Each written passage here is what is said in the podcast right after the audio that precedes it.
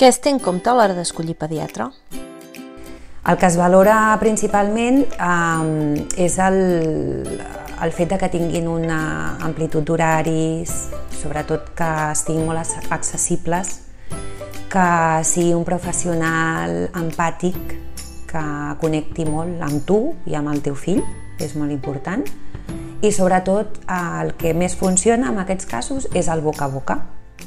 Les mares a la guarde, al final els, les famílies quan comenten, evidentment una de les principals converses de taula quan tens bebès és eh, qui és el teu pediatre i per què t'agrada el teu pediatre. Evidentment, el que, una de les, de les causes principals a l'hora d'escollir és que, que triïn, que sàpiguen, que encertin a la primera amb les patologies, que evidentment això hi ha una sèrie de pediatres amb un, amb un cert bagatge que també fa que, que el valoris com a un pediatre. Sí, un dels punts principals és que, que tingui molta experiència.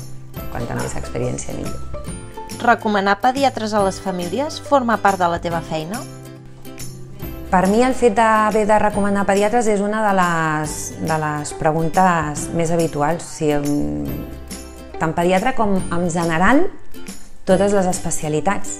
Aquí ens hi trobem constantment. El pare que li ha recomanat aquell pediatre i que se sent còmode i que veu que és un bon professional, et preguntarà i si ara he d'anar amb un traumatòleg o si he d'anar amb un sempre ja t'agafen una miqueta com a, com a base de consulta, no? tenen allà el directori i et preguntaran per tot. Per mi és una de les meves tasques habituals, vull dir, al meu dia a dia una de les coses principals que faig és recomanar, recomanar especialistes en general, de qualsevol tipologia.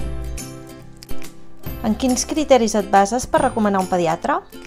Doncs al final amb el que em puc basar a l'hora de recomanar un bon pediatre, eh, al final és el recull de tota aquella informació rebuda de tots els pacients que m'han anat trucant i, i m'han anat informant de l'evolució dels seus fills.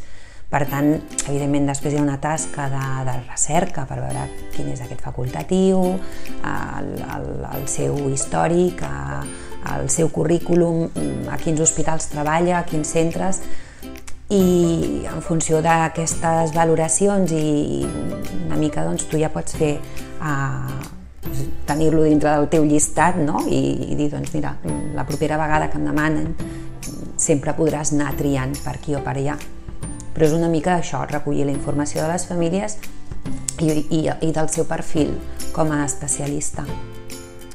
Doncs una mica amb aquesta idea d'ajudar les famílies que acaben de tenir un fill i que van una mica desorientats.